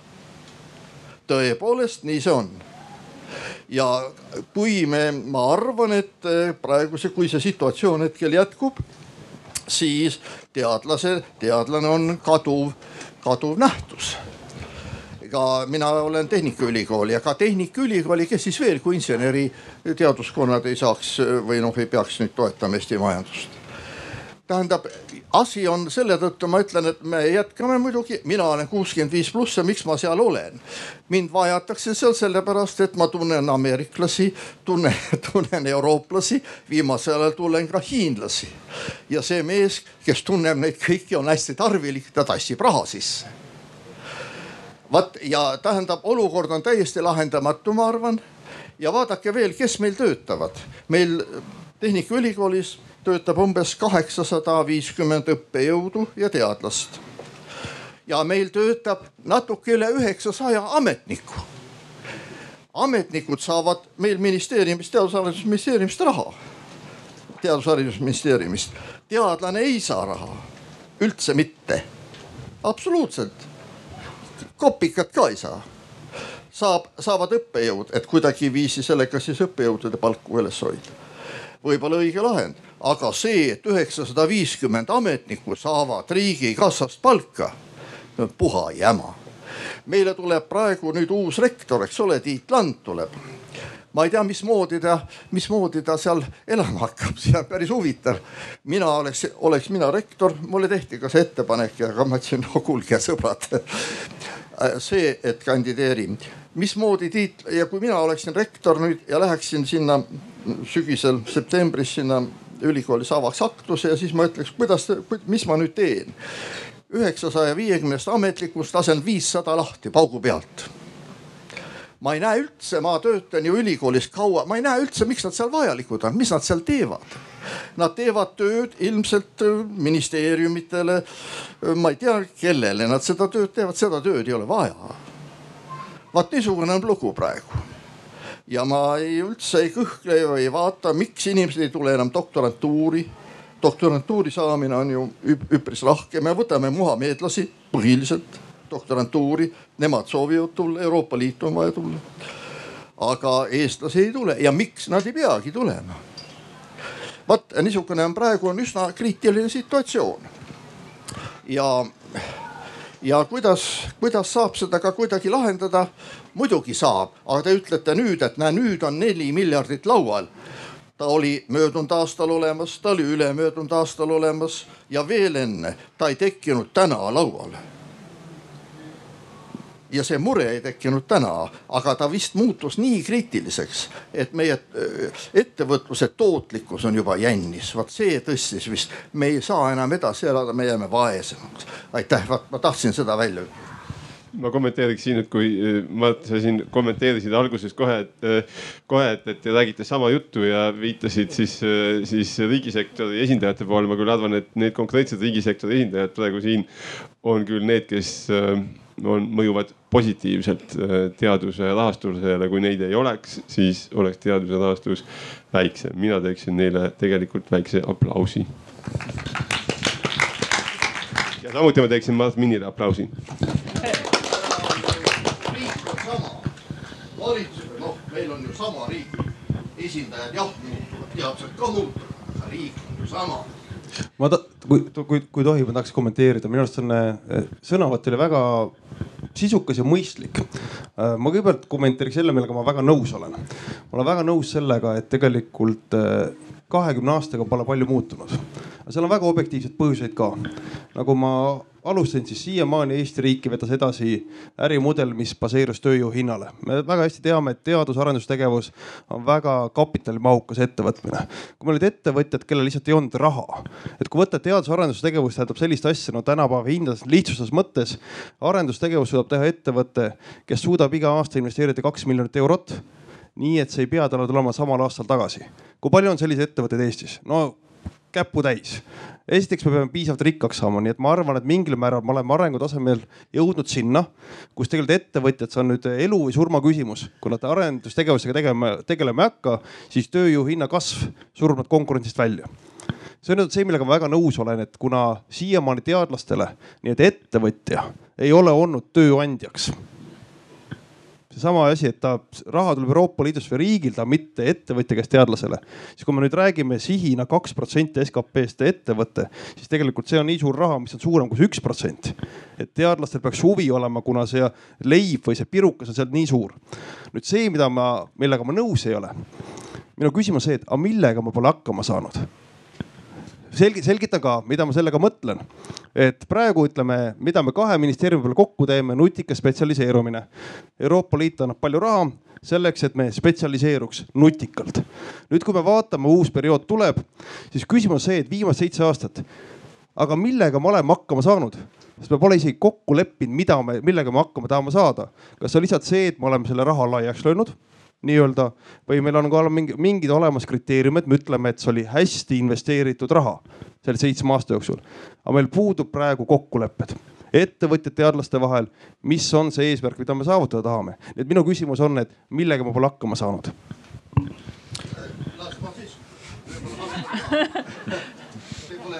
mida teeb, mida, kuidas hinnatakse teadlast praegu Eestis? Kuidas hinnatakse teadlast, kui palju sa oled kirjutanud artikleid selle aasta jooksul ja kui palju, kui suur on olnud see vastus või tsiteeringud ja nende arv? me orienteerume väga selgelt, selle eest me saame oma kopika kätte. kui me töötame ettevõtlusega, see on, et kurat, selle eest oleks saanud kõva teaduse teha, sa raiskasid aja seal ära. sa oled mage mees teaduse ekstsellentsus, ekstsellentsus, see sõna ekstsellentsus on niisugune sõna, mis ma ei tea, mis seal taga on, aga et jube tark. ja, ja vist niimoodi ja, ja me ei saagi tööstusega, kui tööstus tuleb oma kümne tonniga sulle nina alla ja ütleb, et tee, tee järgmiseks aastaks mulle see värk ära, tead kõik. kõigepealt see pole raha, see on nalja tegemine ja teiseks on see, ma ütlen ka, teadlane ei oska enam teha me oleme teises liigas, me teeme mingisuguseid, me teeme artikleid ja suuremaid ja uhkemaid. me siin oli, et kas teadus ja tõde, me valetame ka sisse, me bluffime ka muidugi. alati, et ilusam ja suurem välja näeks, aga sellega me saame üldse elada. see on meie elu. Et natukene bluffida, kolada maailmas ringi ja vaadata, kus saab natukene. Ja tahaks küll Eestis tegutseda, ei saa, ei saa tee, tee hiinlastele või ameeriklastele. ja vot siin on see lugu ja see ei ole praegu hetkel tekkinud, aga te ei märganud ennem, sõbrad, seal äh, valitsuses ja mujal. ma arvan, et asi on äh, siiski jah, ma olen nõus sellega, et äh, on räägitud väga palju nendest asjadest ja edasiminek on olnud äh, ebapiisav Äh, eks neid on äh, erinevaid katsetusi ka olnud, aga võib-olla see peegeldab seda, et äh, poliitikas tehaksegi valikuid ja kahjuks, kahjuks on nii, et need, kes sooviksid teadusesse rohkem raha, need on jäänud vähemusse kahjuks. lihtsalt ongi nii olnud. ja, ja on ka praegu nii selleks, et Eestis äh, oleksid Eesti teadlased, teeksid Eesti ettevõtetele, selleks ongi seda äh, raha vaja panna, olgu ta siis ETAG-is või olgu ta mingis äh, uuringute, rakendusuuringute keskuses või mis meetodiga. selle kaudu saabki teha tellimusi ka selle kaudu, et riik toetab nende väikeste ettevõtete, kes tahaksid äh, innovatsiooni teha, aga kellel oma ressurssi ei ole. tal ongi võib-olla kümme tuhat ja, ja tema innovatsioonivajandus on viiekümne tuhande eest aga seal on kaks asja, ta esiteks ei tea, et see asi maksab viiskümmend tuhat, et ta tegelikult äh,, ta arvab, et see maksabki kümme tuhat ja võib-olla ta saaks aru ka, et ta maksab kakskümmend tuhat, aga ta lihtsalt ei usu, et see võib maksta viiskümmend tuhat. ärge rääkige veel sellest, et väikeettevõtja ei taha uskuda, et mõni asi maksab miljon või kaks miljonit, et see on päris raske. et, äh, et esiteks anda see raha, et ta saaks tellida ja teiseks võib-olla ka valgustada tema arusaamist sellest, et pisikese rahaga ei saagi teadust ja ei saagi innovatsiooni. see teadmine on ka veel napp, ausalt öeldes, et, et siin on väga palju erinevaid kohti ja see on koht, kus kohas riik saab nagu erinevatel meetoditel, erinevatel viisidel vahe tulla. jah, aga meil on vaja piisavat häält ja tuge, et äh, neid muudatusi teha. kahjuks seni ei ole jätkunud äh,. kui me päris vait oleksime siis oleks asi ilmselt veelgi hullem. ma olen selles sügavalt veendunud. ma, ma võiks, võiks ka kommenteerida ja vastata natukene sellele, et, et miks ei ole Eestis firmasid, kes siis, kes siis täidaks seda rolli, mis Äh, nii, mida sa nimetasid, sa nimetasid äh, Philips, Siemens, Huawei, eks ole. mis on ühist nendel nimedel, Philips, Siemens, Huawei? ühist on nii palju, et need on kõik äh, suurfirmad, mille toode on teaduslik või tehnoloogiapõhine väike firma, mille, mille toode on teaduslik või tehnoloogiapõhine, tema, tema ikkagi seda ei tee, et ta teeks mõne ülikooliga koostööd ja noh, see on liiga, see on liiga suur projekt, vajab niivõrd palju ettevalmistust ja nii edasi, nii edasi, liiga, niivõrd palju inimesi, et, et, et, et pigem tuleb see hästi paremini välja suurfirmas. Eestis ei ole tehnoloogilisi või tehno või no või teadusliku tootega suurfirmasid. tegelikult on, mõni, mõni üksik on, eks ole, et kui, kui, kui mõelda, mis see suur firma nagu, nagu on, noh, ütleme käive sada miljonit. et noh, Eesti Energia, Tallink noh, see on umbes selles skaalas, et äh, neid suurfirmasid Eestis, kelle toode on tehniline või, või, või teaduslik, äh, äh, neid lihtsalt ei ole või neid on nagu väga vähe, aga nad kindlasti aja jooksul tekivad. ma, ma, ma arvan, et noh, näiteks Bolt ja TransferWise, mille käive noh, idufirmade mõttes on juba hakkab niisuguseks suureks muutuma ja võib-olla, võib-olla varsti läheb, läheb aega veel natuke mööda ja nad ei ole enam idufirmad ja on nii-öelda nagu natuke stabiilsemad firmad. ma arvan, et nemad tegelikult hakkavad tellima no ma võin kohe kommenteerida, et nad juba tellivad selles mõttes oma praeguses faasis. aga Mardile ma ütlen ühe vastuse veel, et äh, sa tegid äh, noh, selles mõttes kriitikat praegu riigi, riigi äh, ütleme ametnike suunas ja poliitikute suunas, aga sa tegid see, kui palju on äh, nii-öelda ametnikke ülikoolis, see on ülikooli enda otsustada. meie ülikoolid on autonoomsed, et see on ülikooli täiesti enda otsustada, kui efektiivselt ta oma struktuuri teeb. ja ma pean ka ütlema, et ma olen näinud paari analüüsi, kus on võrreldud Eesti ülikoole, ma ei tea, Põhjamaade ülikoolide ja veel mõnede ülikoolidega. ja noh, tegelikult see number on, ütleme, et Eesti ülikoolid tegelikult on väga efektiivsed võrreldes äh, sellise tüüpilise Lääne-Euroopa ülikooliga, et me võime seda küll noh imeks panna, aga, aga nii ta on. mina ei tea, miks see nii on, aga aga nii ta on. et, et selles mõttes see kriitika võib-olla, et ülikoolis on liiga palju projektijuhte, et võib, võib-olla võiks tõesti vähem olla. aga, aga noh, jällegi, kui me võrdleme teda sellesama Helsingi ülikooliga, siis noh, seal on, seal on sama palju, et võib-olla nad lihtsalt töötavad seal paremini, ma ei tea aga okei okay,, ma nägin uh,, ma võtan veel ühe küsimuse eh, või kaks eh, minul on küsimus selle kohta, et mitut Riigikogu liiget huvitab ettevõtete innovatsioon? Mitu inimest Kaubandus-Tööstuskojas tegeleb ettevõtete teadus-arendustegevusega? mitu inimest Tööandjate Keskliidus tegeleb ettevõtete teadus-arendustegevusega? Äh, kui ammu EAS saatis Brüsselisse oma esindaja, kes tegeleb seal Horisont kakskümmend kakskümmend ja teistes programmides Eesti ettevõtete huvide esindamisega? et äh, see on oluline küsimus ka ja mitu ettevõtet täpselt, miks ettevõtted ei nõua, et me ei saa ju teadlastele pahaks panna, et nad nõuavad. me saame võib-olla küsida, miks ettevõtted siis ei tee, et kui noh, et kui huvi ei ole selles mõttes, kui nõudlust ei ole, jah, me peame nõudlust tekitama, aga kas me oleme ka nõudlust tekitanud? siin oli jutt sellest, et me võiksime neli miljardit paneme selle teadusesse. kas me teame, kui me eelmise majanduskriisi ajal kuuskümmend kuus miljonit krooni lükkas EAS teaduse, ettevõtetesse teaduse tegemiseks. mitu ettevõtet neist tänaseks tegutseb ja mitme ettevõtte käive on suurem kui saadud toetus? kas me tegelikult teame, mida me oleme selle rahaga varem teinud? ma ei ütle, et üldse raha ei pea panema, aga küsimus sellest, et kas meil on teadmine, kuidas panna, kas riigisektor on eest vedanud, et sellised mõned küsimused ma tunnistan, et ma ei oska enamusele nendele küsimustele siin vastata.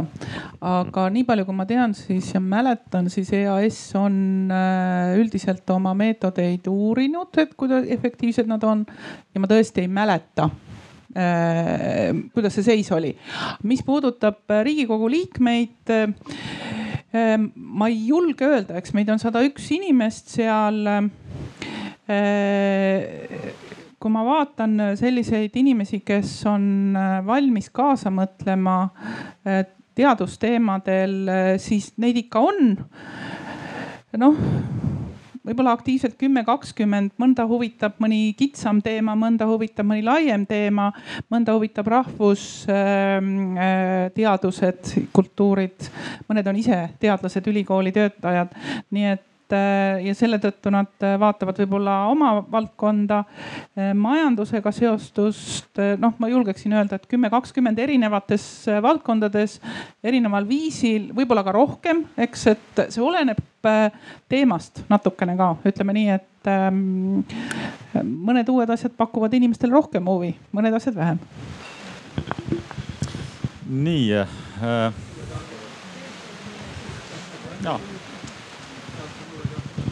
tere äh, nimelt äh, nõustamises on välja pakutud ka nii-öelda klientidele sellist ärimudelit, et kui me teeme teile mingi nõustamise, sellest tuleb mingisugune tulu, mis jõuab ka kasumireale, et siis me võtame sealt protsendi endale.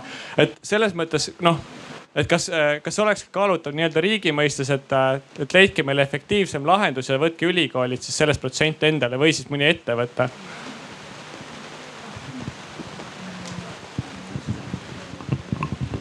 jah, ma arvan, et see on äh, üks lahend äh, ja mida me arutame ka ülikoolidega. noh, nii ju toimib tegelikult ka riskikapital. noh, see ongi see loogika, kuidas on, et äh, kui sul läheb hästi, siis saad osa sellest võidust, kui sul läheb halvasti, siis ei midagi, mõlemad võtavad riske.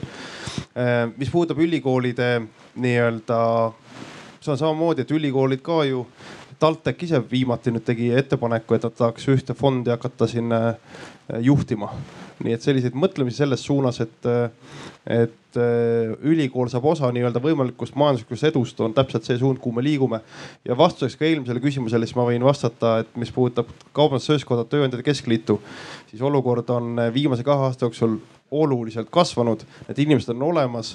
tööandjate keskliidul on olemas ka täitsa eraldi regulaarne töögrupp äh, volikogu tasemel, kes räägib seda teadus-arenduse poolt läbi, sellepärast et meil on riigi poolt ka hetkel pooleli uue arengukava, äh, teadus-arendustegevuse, innovatsiooni, ettevõtluse arengukava kokkuleppimine. seal ütleme nii, et selle põhifookus ongi see, et erinevalt eelmisest kehtivatest strateegiatest, siis kogu ettevõtlus peab liikuma või me vaatame seda läbi äh, teadus-arenduse prisma, nii et fookus on selgelt muutunud nii, aga ja ma, ma nägin käsi oli püsti. aitäh heade mõtete eest. ma tahaks esiteks öelda, et tekitab nördimust, et üldse küsitakse, et äh, öeldakse, et äh, me anname raha siis, kui te põhjendate, kuhu me paneme selle. Eesti riigis on nii palju häid tarku inimesi, kes on õppinud kaua, läinud profess-, äh, õppinud doktorantuuris ja järeldoktorantuuris ja neil ei saa tööd. kirjandusmuuseumil jäid kõik teadusprojektid tegemata. keegi ütles et, et kakskümmend protsenti teadusprojektidest saab rahastust, ülejäänud inimesed jäävad tööta ja tegelikult peaks saama raha kõik need teadlased, kes on valinud teadlase karjääri. võib-olla see on radikaalne, aga põhimõtteliselt, kui inimene juba võtnud oma elu eesmärgiks nagu teha teadust ja tõesti tõsist teadust, siis äh, need inimesed peaks raha saama Äh, aga küsimus on see, et äh, just paar paneeli tagasi oli metsatööstusel sama küsimus, et miks Eestis ei ole metsatööstuses innovatsiooni. miks tuli näiteks tselluloositehas vananenud tehnoloogiaga, kus efektiivsus on kaheksakümmend viis protsenti või noh, tähendab kulu on kaheksakümmend viis, kui on hoopis palju-palju efektiivsemaid tehnoloogiaid olemas ja suht lihtne vastus on, et meil ei ole teadlasi, meil ei ole neid inimesi, kes teaks neid tehnoloogiaid ja küsimus oligi siis enne, et, et miks miks metsatööstus ei äh, toeta, siis äh, esiteks, miks riik ei toeta metsatööstust, mis on meie või põllumajandustööstust, mis on meie riigi alustala. aga teistpidi, miks siis metsatööstus ise ei taha innovatsioonile teadusraha anda ja sealt tuli vastus, et, äh, et riik ei toeta seda, riik ei anna maksusoodustusi ja noh, ei näe nagu mõtet. et siis küsimus ongi, et nagu mida saaks näiteks riik teha selleks, et motiveerida Äh, era, erasektorit äh, investeerima ja võib-olla siis äh, ka suurema ettevõtte puhul, et mis motiveeriks siis nagu ettevõtet ennast. Ma ütleks ühte asja, et jumala õigustatud küsimusi ja, ja loodetavasti need vastused tulevad, et Eesti üks suur probleem on see, kõik need doktorid, kes meil on, siis proportsioonis muu maailmaga, siis Eestis on üheksakümmend pluss protsenti doktoreid töötab akadeemias mujal maailmas on see alla, ütleme edukas riikides alla viiekümne protsendi. nii et see on nagu tõsine probleem, et nad ei taha akadeemiast ära minna mis need põhjused on, kas erasektoris pole tõesti neile väljakutseid või midagi muud. aga see on kindlasti see teema, millega me peamegi, me peame ettevõtteid toetama. see ongi see küsimus, mis ma ennem ütlesin ka, et me ei pea toetama ainult teadusasutusi, vaid ettevõtjaid. Nad, et nad võtaks need noorteadlased enda juurde. Nad tekitaksid need laborid, kus tuleb siis see nende nii-öelda arendustegevus. et see on ka, et ei tohi ära unustada, et, et ettevõtjad ei pea kõiki riski ise kandma. teadus-arendustegevus on väga suure riskiga. võtame rakendusuuringud, mida üldiselt teevad ka ettevõtted ise, siis seal soovitakse riigi tugi oleks vähemalt kaheksakümmend protsenti, seitsekümmend kaheksa protsenti. ettevõte ise paneb ainult kakskümmend, kolmkümmend protsenti, see on väga suure riskiga. ja teine, mis puudutab seda, et, et, et me peame vaatama taaskord selleni, et need, see teadmine, mida me oma ülikoolides kasvatame, et tegelikult sellel oleks, oleks ka ühiskondlik vajadus olemas ja ettevõtja poolt. ma nüüd lähen nagu selles mõttes, et noh, võib-olla poolnimelt ka provokatiivsele teele. võtame teise sektori, mis väga palju sõltub riigi rahast, kultuur ja nüüd, kui vaad, vaadake huvi pärast statistikat, kui palju on kultuuritöötajaid Eestis ja palju on Soomes. loomulikult proportsioonid on erinevad, see isegi ei ole tähtis, Soomes on palju rohkem. palju olulisem on see number, et Soomes on kaks korda vähem kultuuriinimesi, kes on riigi palgal. Nad peavad kõik olema turulähedased. et selles mõttes me peame vaatama niimoodi, et noh, et tegelikult seal oleks ka majanduslik väljund, sest muidu ongi niimoodi, et kui me hakkame seda kahte protsenti, mida Ahti küsis ka taga ajama, siis küsimus on, kelle arvelt, kas see on kultuuri arvelt võib-olla ma korra lihtsalt ütlen ühe asja vahele siia, et, et eh, noh, vaadates numbreid, siis eh, Eestis noh, avalikus sektoris on noh, jämedalt võttes eh, sama palju teadlasi, teadlasi arendajaid kui, kui Soomes. et noh, võib-olla tibakene vähem. et see number on üsna võrreldav ikkagi mm,. aga kui vaadata nüüd erasektorit, siis noh, numbriliselt on poole vähem. ja noh, seal on, seal on nagu see koht, et Äh, noh, minu jaoks näiteks see küsimus, et kui me nüüd oletame, et me teeme väga efektiivsed meetmed ja erasektor hakkab äh, väga jõuliselt äh, investeerima teadus-arendustegevusse, siis tegelikult noh, meil tekib teadlaste puudus. et noh, kindlasti on väike puhver, et on inimesi, kes on teadusest ära läinud ja võimelised tagasi tulema ütleme, ettevõtlus on ka tihti nimetamise küsimus, seal ma tean väga tublisid arendajaid, kes tegelikult on noh, ilma igasuguse teadusliku kraadita ka võimalik, aga seal on see suur küsimus, et tegelikult meil on nagu ka selle noh me ei pea nagu väga palju muretsema, et nii kui meil äh, ettevõtlussektoris läheb väga tugevalt arendus, teadustegevus käima, siis see tegelikult noh, kõik need äh, doktorikraadiga inimesed, kes võib-olla praegu natuke muretsevad oma töö pärast, siis noh, tegelikult seal ei ole väga suurt murekohta, ma arvan. ma usun ka, et et äh, kui tekib nõudlus, siis äh, mõne aja jooksul, muidugi teadus on selline, et see ei teki, ei reageeri ühe aastaga, vaid see läheb ikka viis aastat ja võib-olla kümme aastat, eks, et enne kui tekib selline ka pakkumise pool juurde.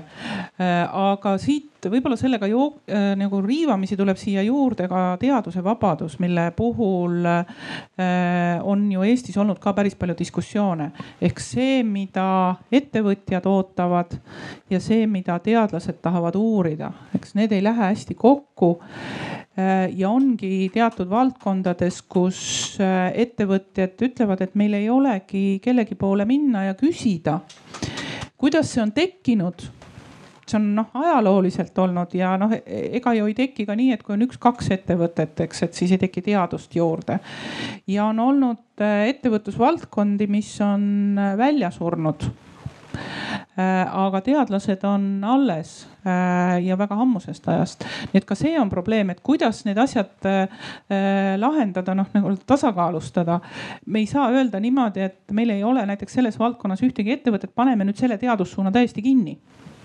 noh ma ei hakka igaks juhuks nimetama siin neid äh, kohti, kus äh, öeldaksegi, väga palju on just baasteadusega ju see seotud, et noh, meil ei ole ju, keegi ei näe praktilist lahendust asjadele esimese hooga. aga, aga ka need on vajalikud ja noh, ütleme nii, et võib-olla ongi kurbloolisus see, et mõned teadusharud äh, kahanevad aja jooksul aga võib-olla mingil hetkel tekib äh, huvi ja need hakkavad hoopis kasvama, nii et noh, ühesõnaga see ebakõla on meil olemas. ja see kindlasti ei kao kiiresti. see võtab aega ma kohe Ahti käest küsin, et kui sa vaatad Starshipi poole pealt, et äh, sa tahad, oletame, sa tahad sa kindlasti teedki mingit koostööd ülikoolidega. kui sa vaatad Eesti ülikoole, et ja sul oleks vaja nüüd äh, kiiresti sisse osta mingit teadus-arendust nii-öelda teenust. kas sa, kas sa leiad need Eestist üles või, või kas sa eeldad üldse, et nad on Eestis olemas või sa lähed otsima üle maailma neid või no mis on selline sinu suhtumine? Nad on Eestis olemas, aga ma tegelikult pean kohe täpsustama, tegelikult Starship ei tee erilist koostööd Eesti, Eesti ülikoolidega äh, ja miks? Äh, sellepärast eelkõige erineb ajaskaala Starship on selgelt hästi kiires kasvufaasis idufirma. Äh, meil tüüpiliselt on vaja niimoodi, me opereerime niimoodi, et nii-öelda üks projekt ähm, on äh, maksimaalselt neli nädalat, ma ütleks niimoodi. siis selle peale juba on mingi uus otsus, ei nüüd me võtame mingisuguse, nüüd täpsustame mingit suunda, teeme mingi natuke teistsuguse asja, siis on jälle üks, ütleme projekt, mis on maksimaalselt neli nädalat, mõnikord neli päeva. siis on mingi uus tulemus ja nii edasi, nii edasi, nii edasi.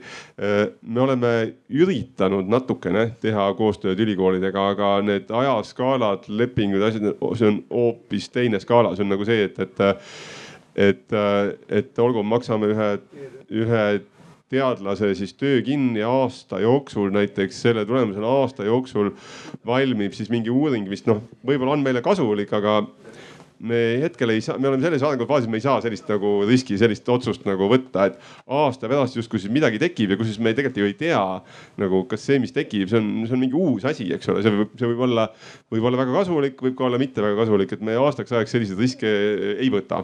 ja, ja see on puhtalt, puhtalt ajaskaala küsimus ja puhtalt selle küsimus, et, et mis, mis faasis on, on Starship. sellepärast ma ütlesin seda, et, et Bolt ja, ja TransferWise, nemad on suuremad firmad.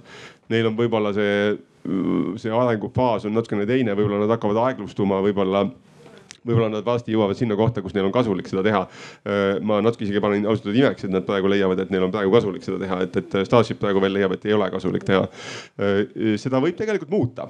ma ütleks niimoodi, et Starshipis me oleme võtnud pigem sellise suhtumise, et noh, sihukese väga pragmaatilise, et, et nii-öelda meie ei, ei, otseselt kuidagi nagu ei lähene nagu ülikooli teadusele nagu.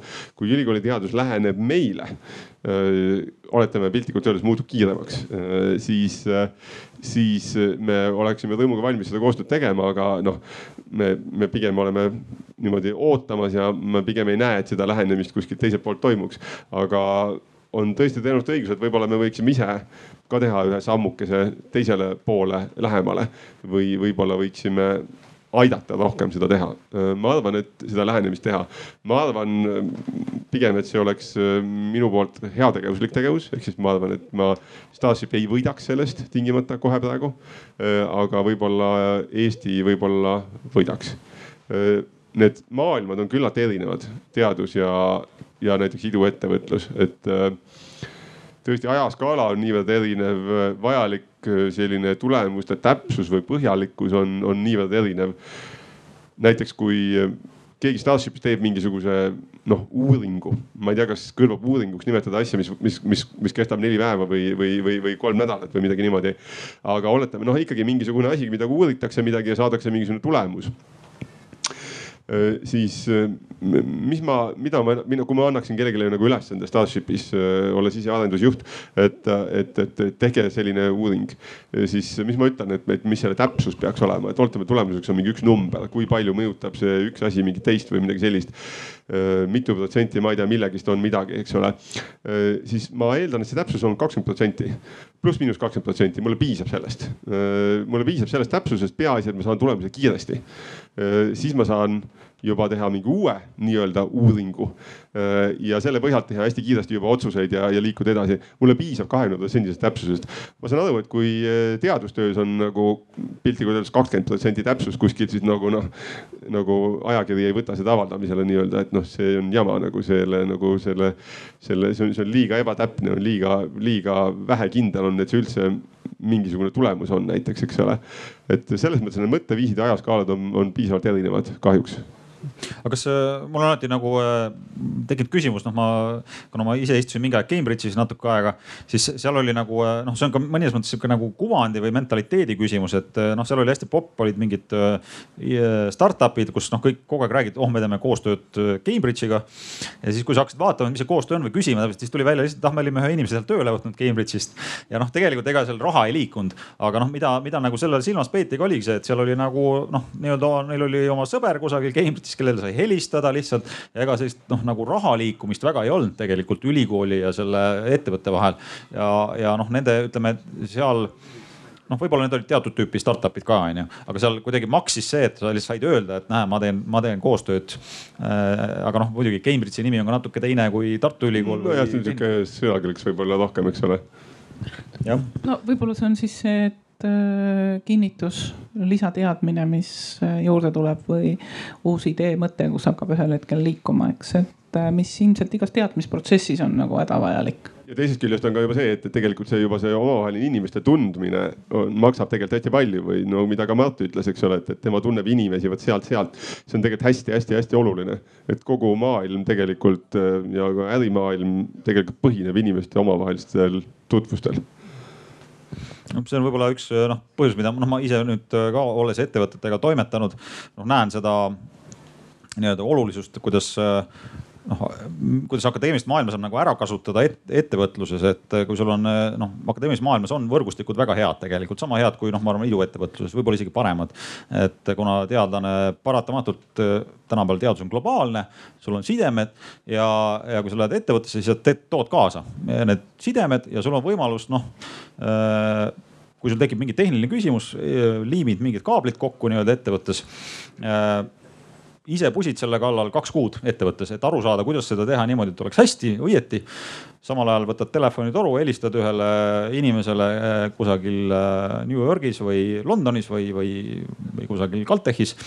ja, ja ta seletab sulle tunni ajaga ära, aga kui sa, kui sul seda tutvust ei ole, siis ta, ta ei tee, ta ei võta seda tundi aega, et sulle seletada seda, sest noh järgmine kord tema helistab sulle, küsib midagi vastu, onju.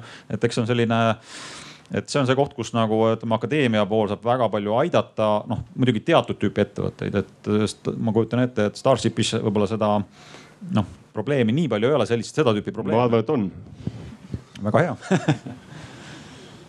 äh, nii, et meie aeg on juba natuke üle läinud. Äh, äh, ma ei tea, teeme nii, et ma annan, et oleks selline ilus lõpu kokkuvõte ka, ma annan igale ühele sõna, sõna korraks, mitte sealpool, vaid siinpool igaühele et äh, ma ei tea, öelge ära need mõtted, mis teil nagu kripeldama jäid, et ma ei, ma ei taha, et te ühel teemal räägiksite.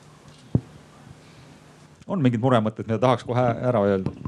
minu arust ütleme nii, et ma arvan, et äh, selles mõttes see teema on ju vähemalt ma usun, et need, kes siin kuulavad ka, et kõik on ühte meelt, et see on oluline, see on vajalik, et siin eriarvamust ei ole. ainuke eriarvamus võib-olla ja see on nagu võimalus, mitte väljakutse. Äh, on see, et äh, selle teadusmaailma, teadus-arendustegevuse maailma kõik osised peavad tegema koostööd. ainult siis tuleb sünergia, et äh, kui üks element töötab ja teine ei tööta, siis tegelikult me räägime, nii nagu siin härra ütles, me räägime kahekümne aasta pärast täpselt sama juttu Äh, ja, ja mina soovitaksin siis veel äh, siia juurde seda, et äh, rääkige oma tuttavatega. et tõesti on niimoodi, et teadus huvitab väheseid ja on olemas inimesi, kes seda üldse ei huvita. ilmselt need inimesed jaotuvad nii-öelda normaaljaotuse järgi ja mõned on hästi kirglikud, huvilised. aga selleks, et muudatusi teha nagu ühiskonna tasemel, siis on vaja rohkem veenmist, et ütleme, me vähemus suudaks saavutada oma mõtetele toetuse ja, ja ütleme, teaduse toetajate, teaduse huviliste, teaduse tähtsuse mõistjate osakaal kahjuks on vähemus. tehke, mis tahate ja selleks, et oleks toetajaid rohkem, tuleb rääkida, tuleb tõestada, näidata. ja, ja siis ehk midagi muutub minul ei jäänud midagi ütlemata ega kripeldama külge, aga võib-olla ma võiks võtta mõne küsimuse saalist, kui selleks on aega või enam ei ole. ma ei tea, aeg on üle läinud, et Selge. Äh, kes tahavad nagu isiklikult tulla rääkima pärast, ma arvan, äh, võivad siia tulla ja, ja küsida nii-öelda, kui nad julgevad näost näkku küsimusi. aga võib-olla tõmbame siis joone alla praegu mikrofonidega jutule. aitäh